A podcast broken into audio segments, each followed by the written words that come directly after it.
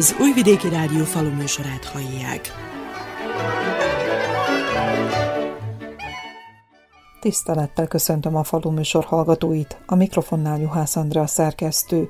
Mai műsorunk témái nyári munkák az állattartó gazdaságon, milyen évet zár a méhész, agrártanulmányokat népszerűsít a Magyarországi Magyar Agrár és Élettudományi Egyetem és annak kihelyezett Zentai Konzultációs Központja, alap- és mesterképzésre is várják a jelentkezőket. Tartsanak velünk!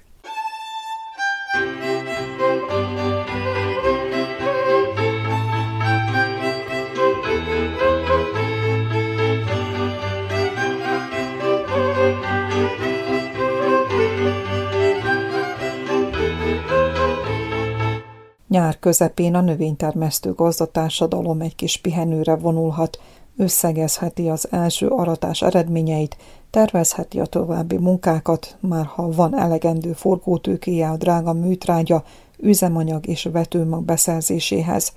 Az állattartó gazdaságokon viszont minden napra van bőven munka, hiszen a jószág nem gazdát, hanem szolgát kíván, mondta Lakatos Norbert Moholi jutenyésztő. Szalma betakarítás, széna, az állatok rendezését minden napra jut valami nem lehet egy napot se kihagyni. Itt minden nap menni kell, csinálni, hogy rendben legyen ez az állattartói rész, hogy ha akarja az ember, hogy legyen haszon, vagy egy kicsit ne legyen a nagy kár, akkor ott kell lenni minden nap. Miért döntött úgy, hogy a növénytermesztést kiegészíti állattartással?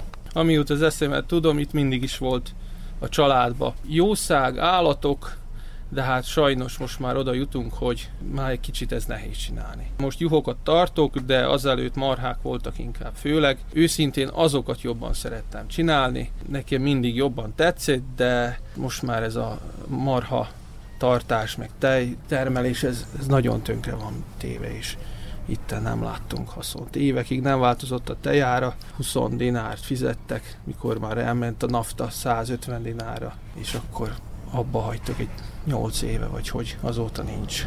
Most a birkatartás, a báránynevelés esetleg pozitívabb, mint a tejtermelés? Itt se olyan nagy pozitívum, mikor a takarmányárak nagyon fölmentek. Tavaly, tavaly előtt ez a Covid, akkor nagyon, nagyon lent volt az áruk. Most ahhoz képest többet fizetnek, de hát elmentek mindennek az ára, a műtrágyának, az üzemanyagnak, minden. Úgyhogy ugyanott vagyunk körülbelül. Nem sok mindent bírunk rajta venni. Hogyan sikerült betakarítani a takarmányt az állatállomány számára? A mostani időjárási viszonyok mit vetítenek elő, ami a kukoricát és a napraforgót illeti, hiszen úgy tudom, hogy a vetés szerkezetében kalászos és olajrepce nem volt. Talán az utolsó pillanatban megjöttek az esők, meg még ígérnek esőt is. Szerintem azért lesz valamilyen termés de hát mindig előre kell gondolkozni, hogy ezt a takarmányt a jószágnak beteremteni, ne télen köljön róla gondolni, hogy jaj, mit etetünk vele, hanem télben nyugodtan menjen bele, akinek van állat, állatai, hogy ne akkor köljön kapkodni, hogy mit is adok a jószágnak enni. Bentartásban vannak, most vannak ilyen malomi melléktermékek is, azt sikerül beszerezni, meg kukoricát is etetünk, kukorica, szárat bálázunk, here, szalma, ami jön úgy nézzük, hogy azért ne bőgjönek. Kritikálé, árpa, vagy pedig búza esetleg kerül a jászolba? Majd kerül jövőre, most az idén nem volt. A fiasok kapnak jobb takarmányt, meg a hasasok, amelyikek üresek, azok, azok egy kicsit gyengébb takarmányt kapnak az időjárás változása rákényszerítheti-e az állattartó gazdát, hogy változtasson a vetés szerkezeten? Hát olyan nagyot nem tudunk változtatni. Úgy nézzük, hogy ami legyen mindenből mivel nagyon oda kell figyelni, hogy legyen elég takarmányunk. A kalászost azt muszáj tenni, mert ez a monokultúra se jó, megjelenik a, főleg a kukoricánál ez a kukorica barkó, és kidönti a kukoricát előbb-utóbb. Meg elgazosodik a föld. Nem lehet úgy ezt a szudánt kiírtani a földből, ha mindig kukorica van. Előbb-utóbb csak meg sokasodik az a gazok, és akkor jobb buzával. Én úgy szoktam csinálni, hogy a régi mód szerint fölugarolunk, aztán egy-két hétre rá megmunkáljuk ebbe vetős előkészítővel, és aztán ősze, meg esetleg még egy nem árt neki, még egy-két hét múlva, és utána ősze jó mélyszántás, ott el fog tűnni a, a fenyércirok, meg a tarackis, ha van, vagy bármi az, ez, azt nagyon tudja írtani, és most lehet, hogy olcsóbb is, mint a totálozás falugarolni a földet. Mondjuk a nagy tárcsát nem pártolom, mert szerintem az csak szaporítsa, elvagdossa a, azt a nagy gyökereket, az még több lesz belőle.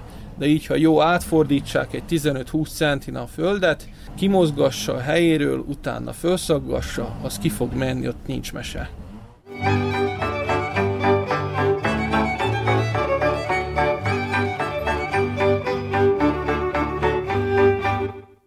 A nyári időszakban a méhészek is összegeznek, hiszen a hónap végén bezárul az idei méhészeti év. A családokat a betelelésre kell felkészíteni. Lakatos Zsolt úgy véli, hogy a kaptárankénti 5-8 kilós hozam kielégítőnek mondható, hiszen az elmúlt évtizedekben lényegesen megcsappant a mélegelők nagysága, és a változatos növényvilág is eltűnőben van – ami a mézhozamon is meglátszik. Nem sok hordás van, mivel nem volt eső. Tehát a napraforgó is kisebb fejek vannak, tehát a szára is kisebb, meg nektár sincs a napraforgóban, mind ahogy szokott is. De hát most várjuk az esőt, és hát ha. Most itt nekünk a faluba szerencse volt, egy hete kaptunk esőt, meg aztán rá pár napra megint, és elég szépen dolgoznak a méhek. Nálam az udvarba, vannak a faluba, tehát lejárnak a rétbe, nagyon szépen hordják a nektárt, jövő héten, ha így dolgoznak, lehet pergetni. Most napraforgó virágzik, meg van itt a faluba evódiát ültettünk, és elég sok virág van rajta, szépen járják a méhek, tehát abból is lesz meg hát vannak még ilyen virágzó fák, tehát vegyes virágméznek mondható, nem kimondottan napraforgónak. És ami az eddigi eredményeket illeti, az első pörgetés hogyan sikerült Lakatos Zsoltnál? Ide faluba behordják a, a repcemézet is, meg az akác elég szépen virágzott, hordtak is róla a méhek, Hát olyan 5-től 8 kilós átlag lett a méheknél. Átnézéskor, ahol volt fölösleg méz, azt kivettem. Az elmúlt évekhez képest elég jó, mert pár éve már nem volt se akácmézünk. Hát ugye a repce is úgy, ahogy adta a nektárt. Megkóstolták-e már a friss mézet? Igen, megkóstoltuk, nagyon jó, nagyon finom, ez ilyen tavaszi vegyes virágméz, tehát akác, repce, gyümölcsfa virág, méz keverék. A törzsvásárlók értékelik-e a termelői mézet? Értékelik, mert egyesek panaszkodtak, hogy vásároltak az üzletekben, és nem tetszett nekik a méz állaga se, az íze se. Jobban fordulnak a méhészekhez, tehát méhésztől veszik a mézet. Mit tapasztal évről évre körülményesebb a méhészkedés? Hiszen nem egyszer hallottunk már még mérgezésről, vagy pedig éppen eltájolódásról. Vannak gazdák, akik felelőtlenül permeteznek, például virágzásban, amikor tele van méheskével a mondjuk az almafa, meg bármelyik fa, és rovarölővel permetezik a fát. Tehát akkor nagy kárt tesznek saját maguknak is, meg a méhéknek is nem szabad, meg már törvényben is van, hogy a virágzó növényeket tilos permetezni, és nagy büntetésekre számíthatnak. Azért csak megpermetezem, csak és akkor mire kijön az inspektor, vagy éppen ha nem is jön ki, addigra elmúlik az idő, akkor nem csináltunk semmit. Kellene egy néhány példát statuálni, hogy megbüntetni azt, aki már csak azért is lepermetezem, aki megmutatja, hogy már én csak azért is, jól megbüntetni, aztán majd a másik is gondolkodna rajta, hogy permetezzek vagy ne. Vagy akkor, amikor kell, amikor szabad.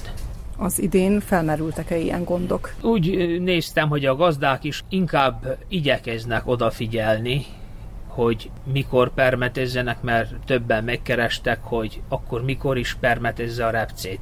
Hát mondom, este 6-7 óra felé, amikor már a méhek hazajönnek. Akkor te csinálhatod reggelig, még nem jönnek ki a méhek a repcére. Tehát kommunikáció kérdése. Így van, ha van normális földműves, akivel meg lehet beszélni, aki megérti, akkor azzal nagyon könnyű együttműködni. De aki önfejű és nem akar hallani se, tárgyalni se, az a végén majd fizetni fog. A beszélgetésünk elején épp azt említette, hogy nem sokára a napraforgóból is pörgetni tud majd mézet.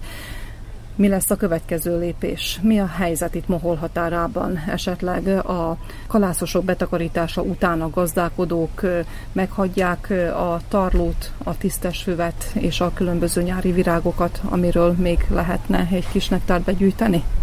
Általában kalászos betakarítása után szokták a földet művelni, talajművelést végeznek, és sokan mondjuk azt, hogy mivel, hogy vagy szudános, vagy nem tudom én milyen gazok nőnek a, a földön, akkor lepermetezik. Ezzel már nagyjából ki is írtották a tarlóvirágot, tehát a tisztes füvet, ki is írtották, és nagyon-nagyon ritka helyen találkozok olyan földterülettel, ahol még virágzik. Tehát sikeresen ki lett írtva a tarlóvirág. Emlékszem, mikor még gyerek voltam, nagyapámmal csináltuk a méhéket, már a méhészkedést együtt rendeztük őket. Volt olyan év, hogy négyszer pergettünk. Volt egy akász, volt egy hárs és két napra forgó pergetés. És még meghorták a téli élelmet. Tehát nem kellett utána etetni, mert most ha kipörgetem a napraforgó mézet, most nagyon oda kell figyelni, hogy mennyi marad a fészekbe, mennyi marad nekik télire, mennyit kell pótolni cukorból, hogy azért tavaszig kihúzzák valami szinten.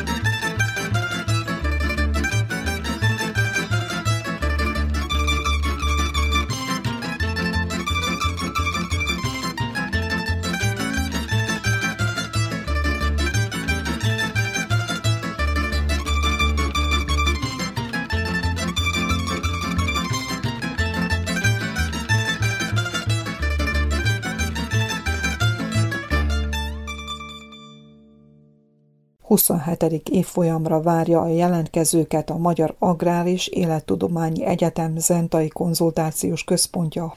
Az elmúlt év Covid-járványa rányomta bélyegét az oktatásra, a hallgatók közösségi életére egyaránt, de most a nyitás után újra építhetők a kapcsolatok, erősíthető a gyakorlati oktatás szerepe a képzésben – mondta Kulcsán Sarolta programkoordinátor. Covid az rányomta nagy mértékben a bélyegét az egyetemi alapképzése és mesterképzése egyaránt. Kezdtük a teljesen digitális oktatással, majd aztán folytattuk a kombinált oktatással. Amikor már a Covid előírások lehetővé tették, akkor pedig próbáltuk szorgalmazni a tantermi oktatási megoldásokat.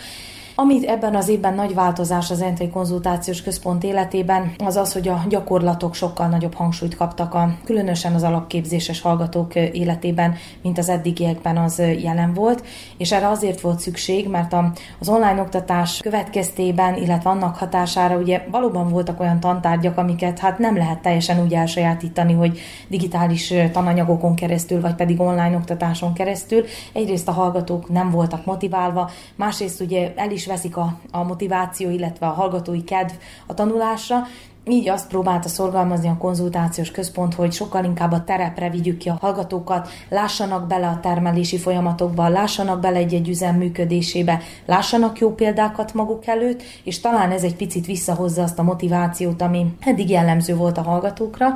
Tettük ezt oly módon, hogy nagyon nagy hangsúly és nagyon nagy fókusz került a tangazdaságra. Magát az egyetemet, magát az oktatást már nem fontos olyan mértékben úgy bemutatni, hogy létezik itt a vajdaságban beszéljünk egy kicsit az eredményekről, beszéljünk azokról a gazdaságokról, illetve azokról a végzett hallgatókról, akik itthon gyökeret eresztettek, és folytatták, vagy megalapozták a vállalkozásukat az egyetem után. 500-on felül van jelen pillanatban a vajdasági térségben az alapképzéses szakokon a végzett hallgatók száma.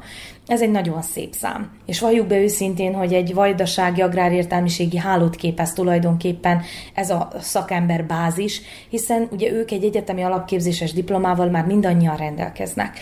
A konzultációs központ szorgalmazta a mesterképzések megindítását, ugye ez egy újabb szint a hallgatók számára, ugyanis azok a hallgatók, akik motivációt éreztek magukban korábban, hogy tovább tanuljanak, azok azt az anyaintézményben tudták megtenni, vagy más magyarországi intézményben, vagy szerbiai intézményben, de ugye itt szerb nyelven, hiszen ugye az egyetemi alapképzés is és mesterképzés is jelen pillanatban magyar nyelven folyik az Entai Konzultációs Központban, konzultációs központ szorgalmazta a mesterképzések megindítását, hiszen egyenes bemeneti követelmény gyakorlatilag az alapképzéses diploma, akár a vidékfejlesztési agrármérnök szakra, akár a kertészmérnök mesterszakra. Ez a hallgatóknak egy könnyebbséget jelentett, hiszen zentán folytathatják a tanulmányaikat, és hogyha valójában még azután is motivációt éreznek magukban, akkor PHD képzésre is be tudnak iratkozni, azt mondjuk az anyaintézmény vagy Magyarország egy-egy egyetemének a doktori iskolájában tudják megtenni. És azt látjuk most a terepen, korábbiakban is folyamatosan követtük, ugye az egyetemnek van egy alumni programja, ahol mi látjuk azt, hogy a mi végzett hallgatóink hol tartanak, ki mivel foglalkozik, de most még hangsúlyosabbá vált ez, hogy ugye terepre mentünk, gyakorlatokra mentünk, vittük a hallgatókat az üzemekben, telepekbe, és mindenhol azért egy-egy olyan emberre ráakadtunk, aki nekünk valamilyen formában végzett hallgatunk. Vagy az ott dolgozó, vagy azt az üzemet vezető személy, vagy pedig az a családi gazdaság, ahol van, ahol három gyermek van a családban, és mind a három gyerek itt végzett. Tehát, hogy látszik az, hogy az itt megszerzett tudást, azt teljes mértékben át tudják ültetni a gyakorlatba, és azt kamatoztatni tudják, és ugye amit a hallgatóknak mindig mondunk, hogy ők itt egy olyan tudásra tesznek szert, amivel mindig kenyeret tudnak tenni a családjuk asztalára hiszen egy kis kertből is ma már, ha ügyesen termel a termelő, ha odafigyel, akkor nagyon szép jövedelmet lehet megvalósítani, és hát ugye nem beszélek a nagyüzemi termelésről, vagy pedig, hogyha olyan munkaterületet választ magának, ahol más módon tudja kamatoztatni a tudását. Nem szabad elmenni az mellett sem, hogy az alapképzés is és a mesterképzések is magyar államilag támogatott képzések, tehát a hallgatóknak gyakorlatilag idézőjelbetéve ingyenes ez a tudásszerzési lehetőség. Így van, tehát egyrészt, ami nagy erősség ezeknek az alap- és mesterképzéseknek az az, hogy magyar nyelven érhetőek el a hallgatók számára, hétvégi oktatásban, tehát levelező típusú tanrendben sajátíthatják el a tudást, ami azt jelenti, hogy a péntek délutánjaik és a szombatjaik foglaltak, és ugye ilyen módon, hogyha ők részt vesznek a családi gazdaságban, vagy munkát vállalnak máshol munkahelyen, akkor is tudják folytatni a tanulmányaikat, hiszen nem kell túl sokat kimaradni a munkahelyről, vagy nem kell túl sokat kimaradni a családi gazdaságból, és valóban nem utolsó szempont, sőt talán elsődleges szempont a szülők számára, hogyha ide iratkozik a gyerek, akkor valóban ki tudja használni a magyar állam által biztosított fél éveket, és így módon, ha ügyesen és szépen és naprakészen vizsgát vizsgára téve teljesíti a képzési palettát, akkor gyakorlatilag egy alap és egy mesterképzés teljes mértékben el tud végezni állami teherre, tehát gyakorlatilag azzal, hogy a hallgató természetesen egy képzési szerződést aláír, és annak ugyanolyan negatív következménye is lehet, hogyha a hallgató nem teljesíti a képzést úgy, ahogy kell. Ami pedig az okleveleket illeti európai minősítésű, viszont itthon honosítani lehet. Így van, a konzultációs központ a kezdetektől fogva ebben is támogatja a hallgatókat, ami azt jelenti, hogy, hogy együttesen, közösen honosítatják a diplomákat, tehát a konzultációs központ segít összegyűjteni a szükséges dokumentumokat, segít a fordítatások elvégzésében, lejuttatja most már ugye Belgrádba az Erik Narik központba az okleveleket megfelelő mellékletekkel felruházva, és ilyen módon úgy az alap, mint a mesterképzéses diplomákat teljes értékű diplomaként honosítják Szerbiában, ami szintén pozitívum, hiszen nem csak Magyarországon tudják kamatoztatni az megszerzett oklevelet, hanem Szerbiában is ugye megfelelő szinten, tehát egy-egy munkahelyen ez ugye más-más lépcsőnek, lépcsőt jelent ugye a beosztások szempontjából. Ebben nem hátrány, hanem előny az, hogy itt tanulnak tovább a hallgatók, és valóban elismerik Szerbiában ezeket az okleveleket.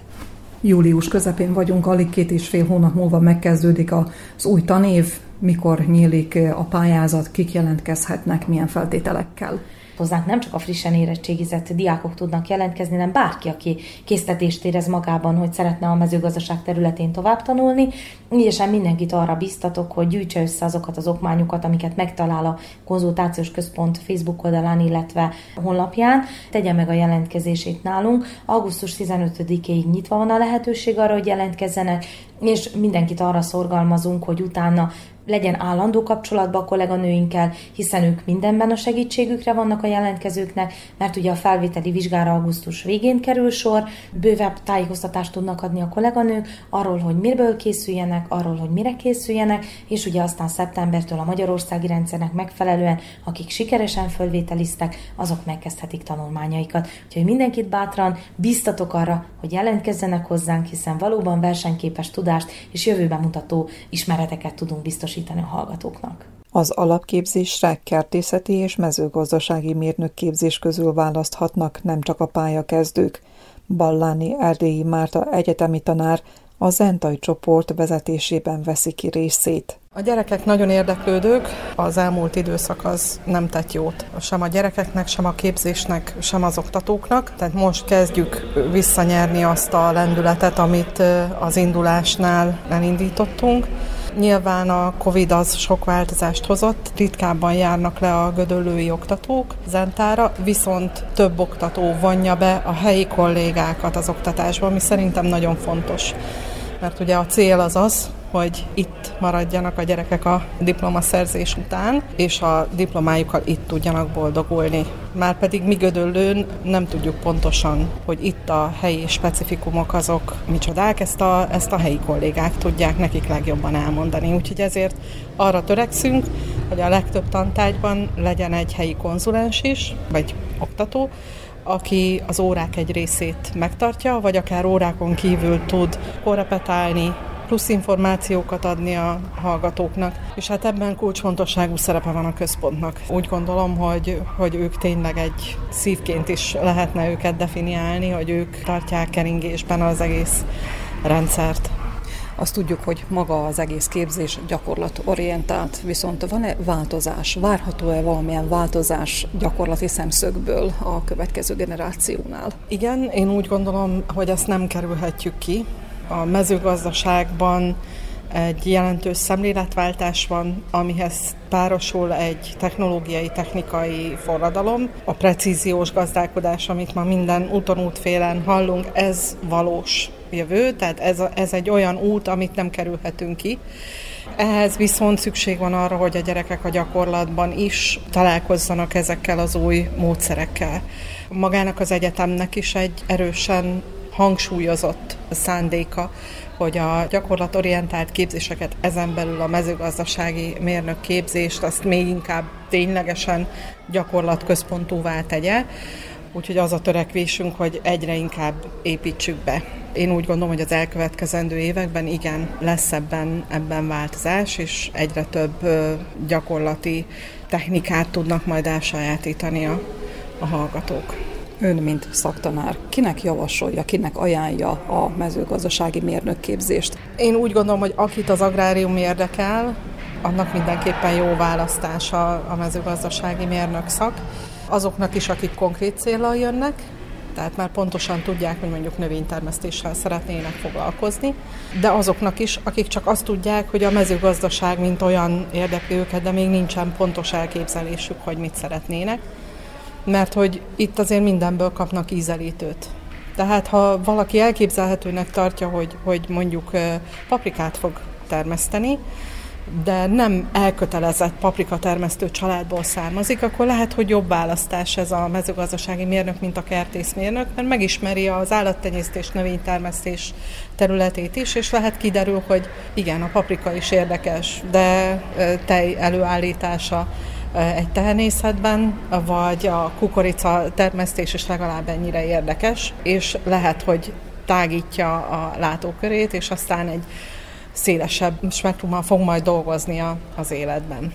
Szekeres Levente az idén szerzett oklevelet alapképzésen, a mezőgazdasági mérnöki szakot választotta, mint mondta, tudatosan, hiszen a jövőt tekintve tervei vannak a megszerzett tudás kamatoztatására. Én alapvetően azért választottam ezt a képzést, mert úgy éreztem, hogy ez egy olyan képzés, amivel relatíve nagy lehetőségeket tud aztán az ember, tehát nagy lehetőségek nyílnak előtte, és emellett meg nekem elsődleges volt az, hogy itthon maradjak, tehát nem szerettem volna sehová menni külföldre tanulni, és ez így egy rendkívül jó lehetőség volt, hogy így nyilván EU-s diplomát tudtam szerezni, azáltal, hogy egy magyar egyetemnek a hallgatója voltam, de mégsem kellett elköltöznöm itthonról. És ez mellett én elkezdtem dolgozni is az egyetem mellett, és nyilván így is össze lehetett egyeztetni a két dolgot, úgyhogy ez nagyon nagy pozitívum volt részemről mivel már régóta céltudatosan tudtam, hogy én természetvédelemmel szeretnék foglalkozni, de nyilván az itt megszerzett tudásom, illetve tapasztalataim, azok rendkívül jó hasznosíthatók ebbe a szakmába, úgyhogy így a kett összeegyeztetése az nagyon sokszor nagyon pozitívan jött ki, mert a munkámban szükségem volt olyan dolgokra, amit az egyetemtől, illetve az itteni oktatóimtól megkaphattam, illetve tudtam segítséget kérni, és mindig kaptam is. Tehát ilyen szempontból nagyon örülök, hogy ezt az egyetemet választottam. Azon kívül, hogy környezetvédelemmel foglalkozik, az agráriummal volt-e már kapcsolata az egyetem megkezdése előtt? Igen, hát én alapvetően tanyosi gyerek vagyok, a szüleim is birkatenyésztéssel foglalkoznak, illetve mezőgazdasággal, úgyhogy volt benne otthon is bőven részem. Szerintem nem sokan válasszák úgy ezt az egyetemet, hogy bármilyen alaptudás nélkül, de viszont nyilván itt olyan dolgokat lehet megtudni, tudományos szemszögből meg lehet vizsgálni az agráriumot, ami nyilván nagyon sok esetben hozzájárul ahhoz, hogy sokkal okosabban tudjon valaki gazdálkodni, vagy fölvegye a versenyt a jelenlegi korvívmányaival. Mi jelentette a legnagyobb kihívást? Általában nekem kicsit azok voltak a nehezebb dolgok, amiket nem tudtunk átvinni a tapasztalatba, vagy nem gyakorlati téren nem próbáltuk ki. Tehát az ilyen száraz anyag az egy kicsit nehezebb volt, de rengetegszer társult ez gyakorlat is, illetve a tanárok azok nagyon segítőkészek voltak, úgyhogy így szerintem könnyen át lehetett lendülni ezeken a nehézségeken. Kinek javasolja az alapképzést? Hát igazából mindenkinek, mert szerintem az egyetem az nem arról szól, hogy most millió egy adatot betáplálunk valakinek a fejébe, hogy az mindent megjegyezzen, hanem inkább egy kicsit fölnyitja az emberek szemét, hogy még szélesebb szögből lássák a világot, tehát még több lehetőséget lássanak benne. Úgyhogy számomra ezt jelenti az egyetem, úgyhogy mindenkinek ajánlom. Az oklevél megszerzése egy kapu a világ felé, viszont egy ugródeszka a további tanulmányok folytatására is? Biztosan. Mint elhangzott, a Zentaj konzultációs központban mesterképzésre is jelentkezhetnek az érdeklődők. Szeptemberben a negyedik évfolyam kezdi meg tanulmányait a vidékfejlesztési agrármérnöki vagy a kertészeti agrármérnöki MSC fokozaton. Farkas Tibor szakvezető szól arról, hogy miért fontos népszerűsíteni a képzést. Kevéssé ismert ez a második év, amit itt elkezdtünk, és már van egy végzős évfolyamunk is. Talán nem is ismerik a vajdaságban a leendő hallgatóink ezt a képzést, ezt a szakot. Másrészt azt gondoljuk, hogy nagyon sok olyan információval tudjuk ellátni a hallgatókat, ami a közeledő várható Európai Uniós csatlakozáshoz fontos lehet, megfelelve a kormányzati elvárásoknak vagy szándékoknak is igen fontosnak tartjuk azt, hogy a határon túli kapcsolatokat erősítsük, a gazdasági, oktatási kapcsolatokat erősítsük, és, és egyáltalán jelen legyünk a vajdaságban is. Ki kell hangsúlyozni, hogy a vidékfejlesztő agrármérnök mesterképzés nem kifejezetten agrár vonatkozású, viszont ugye vajdaság zömében agrár jellegű vidék. Milyen párhuzamot tud, vagy milyen kapcsolatot tud vonni a kettő között? Igen. A szakunknak a besorolása agrárszak. Tehát foglalkozunk agrár jellegű képzéssel, tehát vannak agrár jellegű tantárgyaink, agrárpiacsal foglalkozunk, agrárgazdaságtannal foglalkozunk a képzés során, de az valóban igaz, hogy ez már nem a klasszikus állat- vagy növénytermesztési ismereteket foglalja magában. Az oktatott tárgyak és ismeretek a mezőgazdaság szervezéséhez is kapcsolódhatnak, de ezen túl elsősorban a vidékfejlesztésre koncentrálnak. Milyen kompetenciát kapnak a végzett hallgatók? Elsősorban szervezéssel kapcsolatos kompetenciáik lesznek, gazdaságszervezéssel kapcsolatos kompetenciák, adatok menedzselésével, adatok elemzésével kapcsolatos kompetenciákat, prezentációs technikákat, hogyan kell prezentálni, hogyan kell dolgozatokat írni, olyan általános tudást, ami, ami gyakorlatilag nagyon sokféle területen használható. A magyarországi gyakorlat átültethető-e ide Vajdaságba, Zentára. Elhangzott egy olyan kifejezés, hogy falukutató tábor. Megszervezhető-e ez itt a Vajdaságban, és hogyha igen, akkor milyen feltételek közepette? Mi túl vagyunk egy Európai Uniós csatlakozáson, és ennek rengeteg tapasztalata van, és sok mindent megcsináltunk, tehát egyrészt ezeket tudjuk átadni, ami a, a falukutatást illeti, az egy nagyon régi dolog Magyarországon is, tehát a 30-as években indult el, és a mi előd intézményünkben is, a, annak idején a Gatén is, az agrárszociológa tanszéken már ez elkezdődött a 90-es évek elején, tehát ez a falukutató mozgalom, rengeteg falukutató táborban vettünk részt, Főleg Erdélyben szerveztem falukutató táborokat, de Magyarországon is, és részünkről igazából ez lenne az első alkalom, hogy a délvidéken is, Vajdaságban is szervezzünk egy ilyen falukutató tábort. Én úgy látom, hogy ennek most már itt van támogatottsága, és jelen pillanatban még a helyszínt keressük, hogy melyik lenne a legalkalmasabb település. Igazából a fogadókészségen múlik ez elsősorban, de annyi biztos, hogy mi szívesen jövünk ide, és megszervezünk ezt a tábort. Ez is egy magyar-magyar együttműködés keretében fog megtörténni.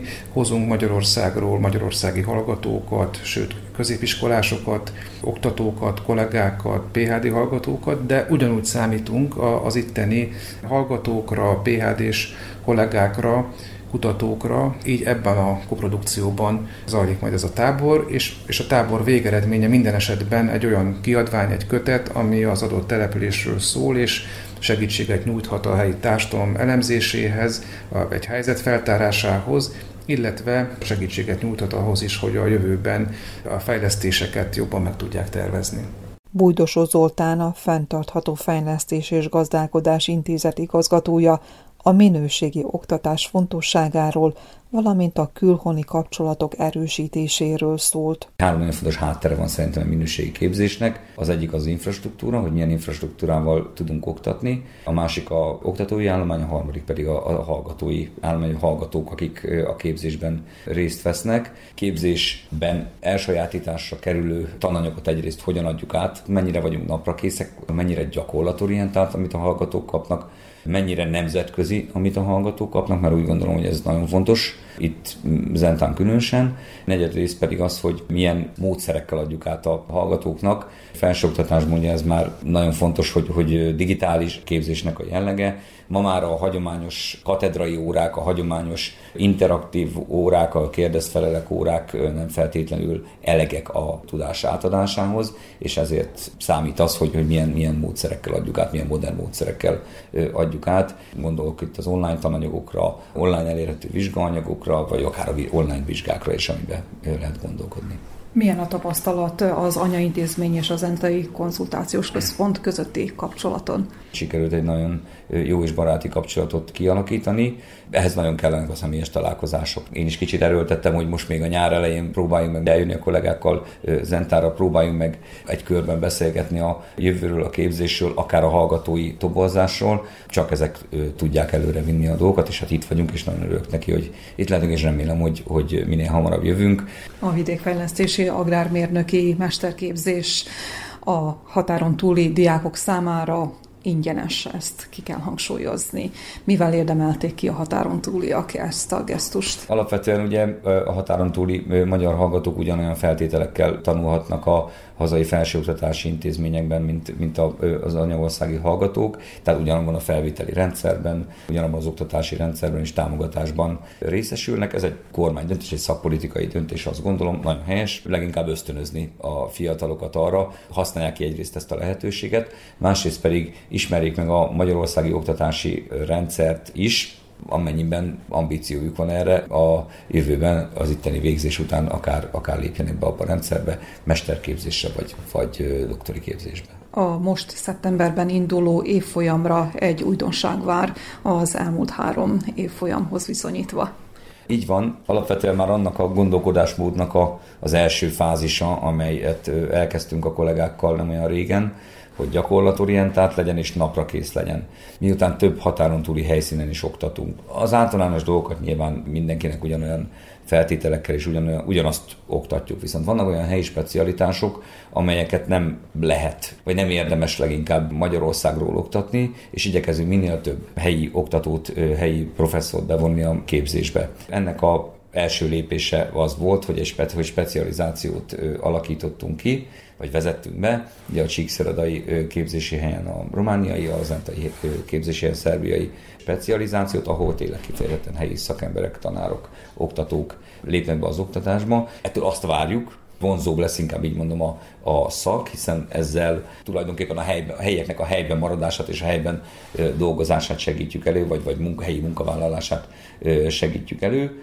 Másrészt pedig azt, hogy helyből majd ki fog termelődni egy olyan, és nem véletlenül említettem a doktori képzés is, hogy, hogy előbb-utóbb ki fog termelődni egy olyan helyi képzési kapacitás, akik ezt a, nem csak a specializációba, hanem már akár a egyéb tantárgyakba is be fognak tudni, hogy több tantárgy személyes jelenlétű oktatással helyi kollégáknak a részvételével tud megtörténni.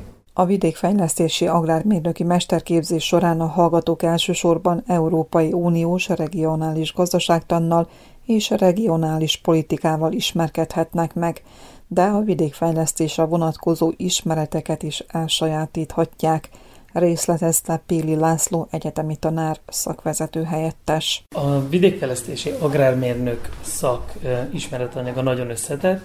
Az Európai Unió közös agrárpolitikájában mind az agrárium, amely az első pillére a vidék közös agrárpolitikának, a vidékfejlesztés pedig ugye a második pillére. Ennek tükrében nagyon változatos a, a tananyag amelyet elsajátíthatnak a hallgatók. Kezdetben ugye egy ismerkedés, a vidékfejlesztés az agráriummal, mint vidékgazdaságtan, úgy mint agrárgazdaságtan, mezőgazdasági piacok gazdaságtan, a közösségfejlesztés, helyi gazdaságfejlesztés ismeretanyagokat sajátíthatnak el, és utána későbbiekben specializálódik a tananyag, gyakorlatilag a település hálózat fejlesztése, vidéki terek fejlesztése, a projektmenedzsment, a projektek felépítése, és én keresztül nagyon sok különböző ismeretanyaggal ismerkedhetnek meg a hallgatók. Az ezen a képzésen megszerzett ismeretanyagot az Európai Unióban Magyarországon alkalmazhatják a diákok. A hallgatók viszont átvetíthető-e ez a rendszer például egy Európán kívüli országra, mint Szerbia, vagy pedig esetleg egyeztetés kell, harmonizáció kellene? Mindenképpen szükséges harmonizáció. Ugye a képzés keretében alapvetően ugye anyaországi képzés, tehát alapvetően azt tanuljuk meg először, hogy mi vonatkozik ugye az anyaországi állapotokra, tehát Európai Unión belüli ismereteket, és utána térünk ki ugye a előcsatlakozási pozícióban lévő országokra, ide tartozik ugye Szerbia is, hogy miként és hogyan tudnak különböző előcsatlakozási támogatásokban részt venni, illetve minek utána megtanulják az Európai Unión belül működő hatásmechanizmusokat, intézményrendszert, azok felépítését, így felkészülnek majd a várhatóan mielőbbi csatlakozást követő unión belül történő beilleszkedésre. Az elméleti oktatáson kívül van egy gyakorlati tananyag, gyakorlati oktatás. Ezt próbáljuk erősíteni. Ez a határon túli tevékenység MATE jogelődjeinek, régen ugye a Gödöllői Agrártudományi Egyetem, majd Szent István Egyetem, ez a rendszerváltási időszakára nyúlik vissza, amikor is 91-ben indult meg Csíkszeredában ez a képzés tartott, 2006-ig a Szapiencia létrejöttéig, majd utána 2012-től folytattuk, Csíkszeredában, és akkor utána elindultunk Révkomáromban, Zentán. Próbáltuk felépíteni, úgyhogy gyakorlati jellegi is elég, elég jól működött, majd a Covid ezt teljes egészében, teljes egészében átvágta. Sajnos ezekben, ezeken az évfolyamokon a személyes találkozás is ritka volt. Előfordult ilyen, ami előtt elképzelhetetlen lett volna, hogy csak az áróvizsgán találkoztunk a hallgatókkal. Ezelőtt abszolút, de nem volt erre példa. Utána lassan élet újra, de ugye itt a tag, tagországi szabályozások tükrében ez nagyon változó volt, és óvatosan félénken kezdtük, illetve nem csak az ország, adott ország szabályozásának kellett megfelelni, hanem az egyetemi szabályozásnak is, akik szintén igyekeztek óvatosan vagy körültekintően eljárni ezekben az ügyekben, ami nem csak a külhoni képzésekre vonatkozott, hanem amikor meghoztak egy szabályt, az vonatkozott a matén tanuló 50-60 nációból származó hallgatókra is, tehát hogy ezek eléggé erős és merev szabályok voltak, ezért ez a nyitás ez meglehetősen lassú volt. Reméljük, hogy most már sikerül beindítani és felbörgetni, és nekünk is az az érdekünk, hogy minél több személyes találkozást nyissunk a hallgatók felé. Ennek keretében gyakorlati oktatás, gyakorlati akár egy formlátogatást, vagy akár egy üzemlátogatást, ezt csak helyben tudunk elvégezni, vagy helyben tudunk megvalósítani, és, és ezek, amik, ezek azok, amelyek szüneteltek, tehát hogy maradt az elmélet, úgyhogy bízunk benne, hogy most ezeket tudjuk visszaépíteni folyamatosan. Vidékfejlesztő agrármérnök mester, ez áll az oklevélen, aki megszerzi ezt a fokozatot. Manapság kimondottan fontos szerepet tölthet be a gyakorlati életben is a hallgató, a végzett hallgató. Igen, én azt gondolom, hogy eddig is nagyon fontos volt ez a képzés, azonban az elmúlt pár év eseményei kapcsán különösen felértékelődött ez a, ez a képzés. Ez annak tudható be, ugye, hogy először a, a Covid-nál, a bezárkózásnál a vidéki élettér, illetve ott is már megjelentek bizonyos ellátásbeli problémák, tehát az agrárium jelentősége ott is felértékelődött, majd az sajnálatos orosz-ukrán konfliktus kapcsán ugye a most megjelenő élelmiszer ellátás ellátási problémák, eh, ezek igen jelentős gondot okoznak, úgyhogy talán még soha nem volt ennyire fontos a, mind a vidékfejlesztés, mind, a, mind az agrárium támogatása ebből a szempontból. Itt a tananyag részét képezi például hogy a rövidellátási láncok, és erről is tanulhattak elég sokat. Ez megint csak nagyon felértékelődött a Covid-ban, ahol ezt a hallgatóktól tudjuk, hogy rengeteg helyen megjelent, hogy eddig nem volt divat a, a környező létező helyi termelőket felkeresni, hogy, hogy élelmiszerhez jussanak, akkor ez megtörtént, és azóta is, hála Istennek, ez sok helyen működik, továbbiakban is ez ugyanúgy igaz.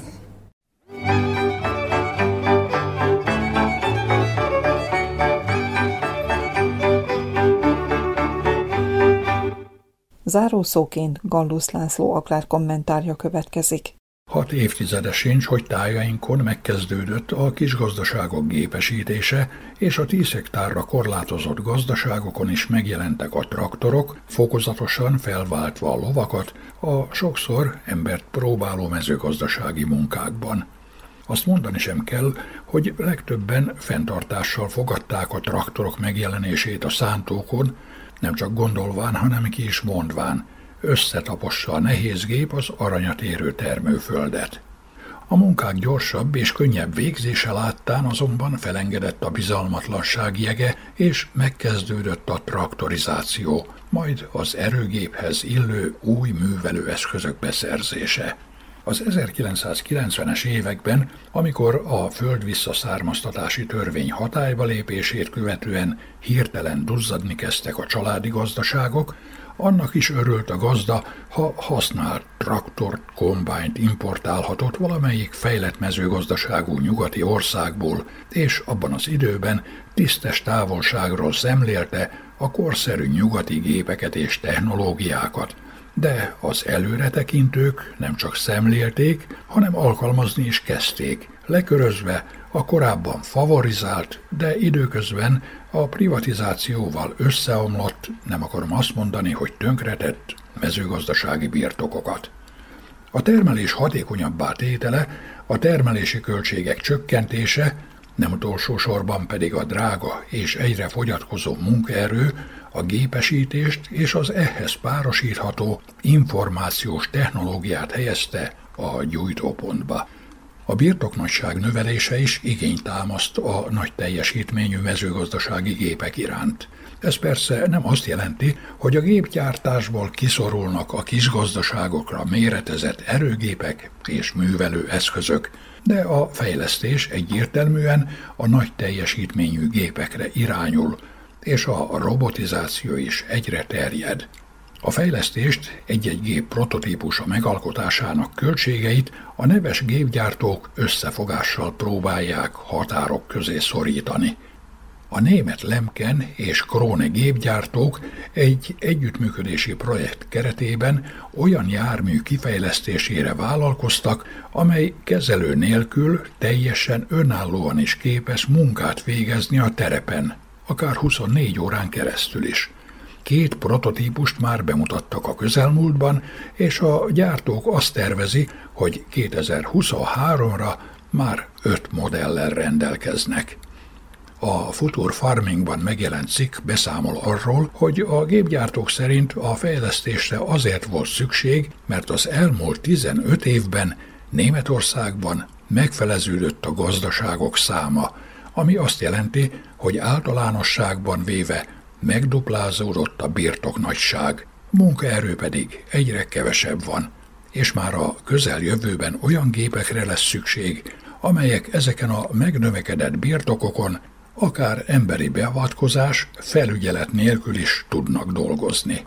A 230 lóerő kifejtésére képes dízelmotoros autonóm jármű számos érzékelővel, valamint kamerával van felszerelve, amelyek a munkafolyamatot és a környezetet figyelik. A projekt célja, hogy a robot olyan feladatokat végezzen önállóan, mint például a kaszálás, a tarlóhántás, a szántás, a forgó boronálás vagy a vetés. A fejlesztésben a kínaiak sem akarnak lemaradni, és az a céljuk, hogy környezetbarát gépekkel jelenjenek meg a piacon, és ezt a célt szolgálja a futurisztikus formájú ET504H jelzésű elektromos traktor is. Ezek az újabb fejlesztésű erőgépek 5G mobil kommunikációs technológiával lesznek ellátva, de önvezető funkcióval és teljes távirányíthatósággal is rendelkezni fognak. Az elektromos traktor létrehozásában a legnagyobb kínai traktorgyártó cég, az ITO is részt vesz, amely a prototípus alkatrészeinek egy részét készítette. Az elektromos motor 50 lóerős teljesítményre lesz képes, haladási csúcssebessége pedig 30 km per óra. A fejlesztésben, az automatizációban az amerikai gépgyártók is igyekeznek lépést tartani, könnyítést kínálva a farmereknek az aratás utáni teendők végzéséhez, de a takarmánynövények begyűjtéséhez is – ugyanis a takarmány növényekre specializálódott Vermeer, amerikai mezőgazdasági gépgyártó cég bálaszállító robotot fejleszt. A három körbála szállítására alkalmas gép jelentős segítséget nyújt a bálák begyűjtésében és elrendezésében. A bála sólyom névre keresztelt önálló robot a tarlón összegyűjti a bálákat, és a föld szélére vagy a raktárba szállítja. A robotnak a számítógép adja a munkafeladatot.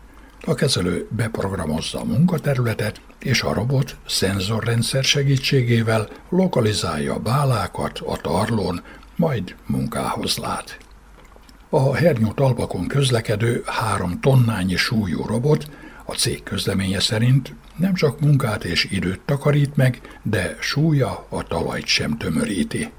A fejlesztési érdekességek sorába tartozik az Angliában üzembe állított málnaszedő robot is, ami leszedi az éret érzékeny gyümölcsöt, becsomagolja, és szenzorai segítségével azt is megállapítja, hogy melyik az éretlen bogyó. Azt nem bántja.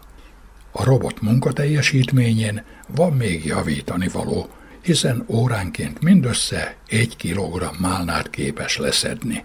A fejlesztésben azt a célt tűzték ki, hogy az egységek 8 órás műszakban 25 ezer szemmálnát szüreteljenek, miközben a gyümölcsszedő munkás csak 15 ezer szemmálna begyűjtését tudja elvégezni.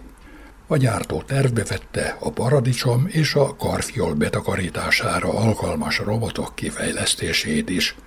Az árról egyik robot esetében sem esik szó a Future Farming cikkeiben, de ha történetesen ismernénk is az árat, minden bizonyal hosszú időre lesz szükség, mire ezek a robotok megjelennek az Arie környéki málnaültetvényeken, vagy a karfiol termesztő bácskai gazdaságokon.